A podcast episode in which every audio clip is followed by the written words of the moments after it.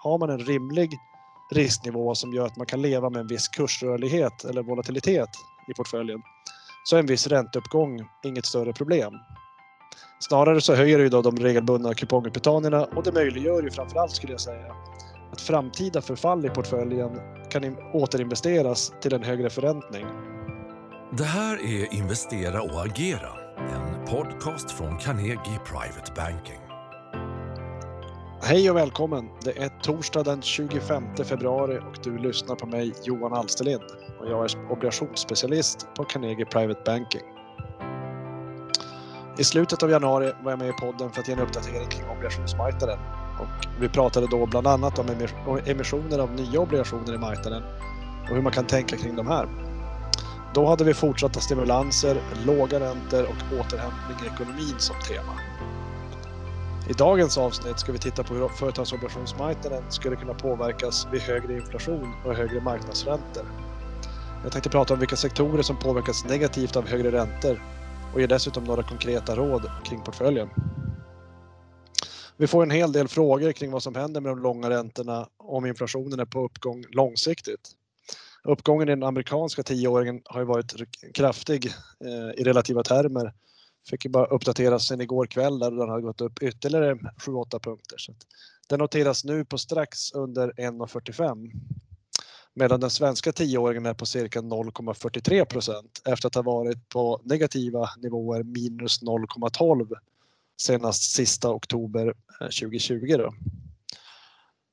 Uppgångens orsak kommer att spendera en hel podd på, eh, men de stora stimulanspaketen borde naturligtvis få effekter i stigande inflationsnivåer då vi får en allt större penningmängd i marknaden.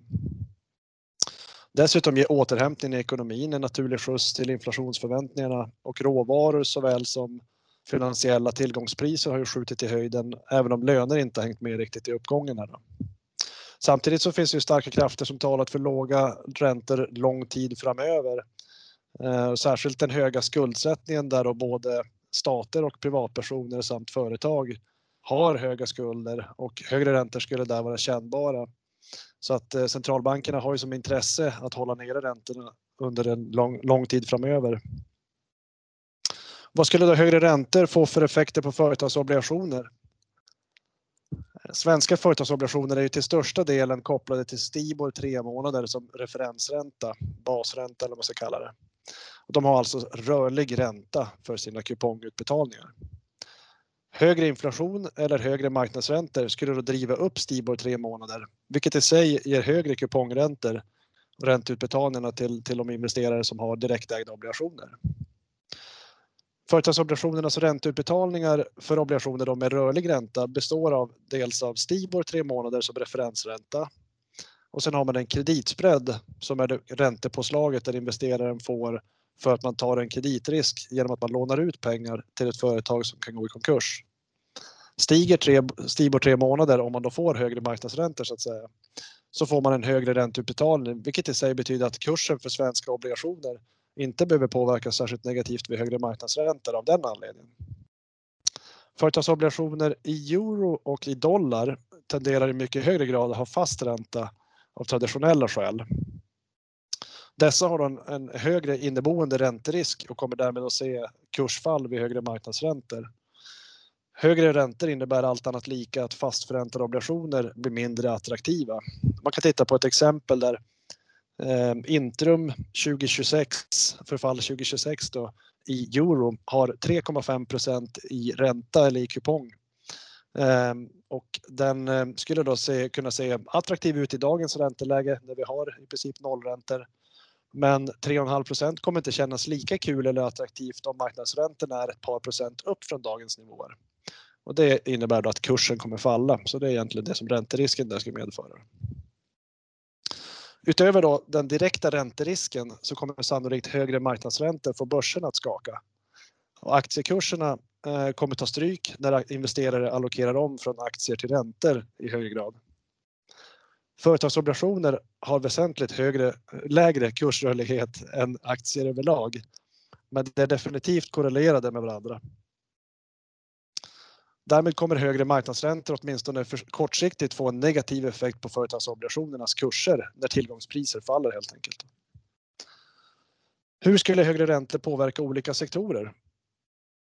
Banker brukar ju må bättre med lite högre räntor då det ger dem bättre möjlighet att öka räntenettot och intäkterna därigenom.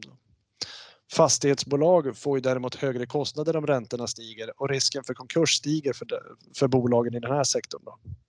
För fastighetsbolagen kan ju dessutom högre räntekostnader komma både från att marknadsräntorna stiger i och med att inflationen stiger, men även att skakade börser gör att kreditspreadarna ökar när investerarna kräver högre kompensation för att ta risk. I det läget blir både Stibor tre månader och kreditspreaden högre, vilket gör att eh, man kan få problem både för, för svagare fastighetsbolag, eh, framförallt när de ska refinansiera sina skulder då, i och med att kupongerna på de nya, eh, nya krediterna så att säga, som de ska ta upp kommer vara högre både i, i Stibor-ledet och i kreditspreaden. Drar man ut det här i ett längre perspektiv så kan det då leda eh, i sin tur till problem för bankerna som har en väldigt stor utlåning till fastighetssektorn. Där är vi inte riktigt idag och det finns mycket som talar för att räntorna hålls ner under en längre tidsperiod. Men det är ju värt att hålla koll på i alla fall kan man säga. Så hur ska man tänka som investerare? Eh, med företagsobligationer som har rörlig ränta, som är det, det, primära här i Sverige, så får man ett visst inflationsskydd. Stiger inflationen så får man helt enkelt högre kupongutbetalningar, ett, ett, ett bättre kassaflöde. Det viktiga som jag pratat om i tidigare poddar är ju att man inte har tagit för mycket risk i ränteportföljen. Har man en rimlig risknivå som gör att man kan leva med en viss kursrörlighet eller volatilitet i portföljen så är en viss ränteuppgång inget större problem. Snarare så höjer det ju då de regelbundna kupongutbetalningarna och det möjliggör ju framförallt skulle jag säga att framtida förfall i portföljen kan återinvesteras till en högre förräntning. Vad en rimlig risknivå däremot är hänger ju på individuella faktorer som risktolerans, placeringshorisont med mera. Där kan det vara bra att stämma av läget eller lämpliga nivån med ett bollplank som sin private banking-rådgivare. Tack för att du har lyssnat. Om du vill fördjupa dig mer kring ämnet så skulle jag också vilja rekommendera specialavsnittet från den 8 maj då vi hade ett längre samtal kring obligationer och hur man som investerare kan tänka. Ha en fortsatt bra dag!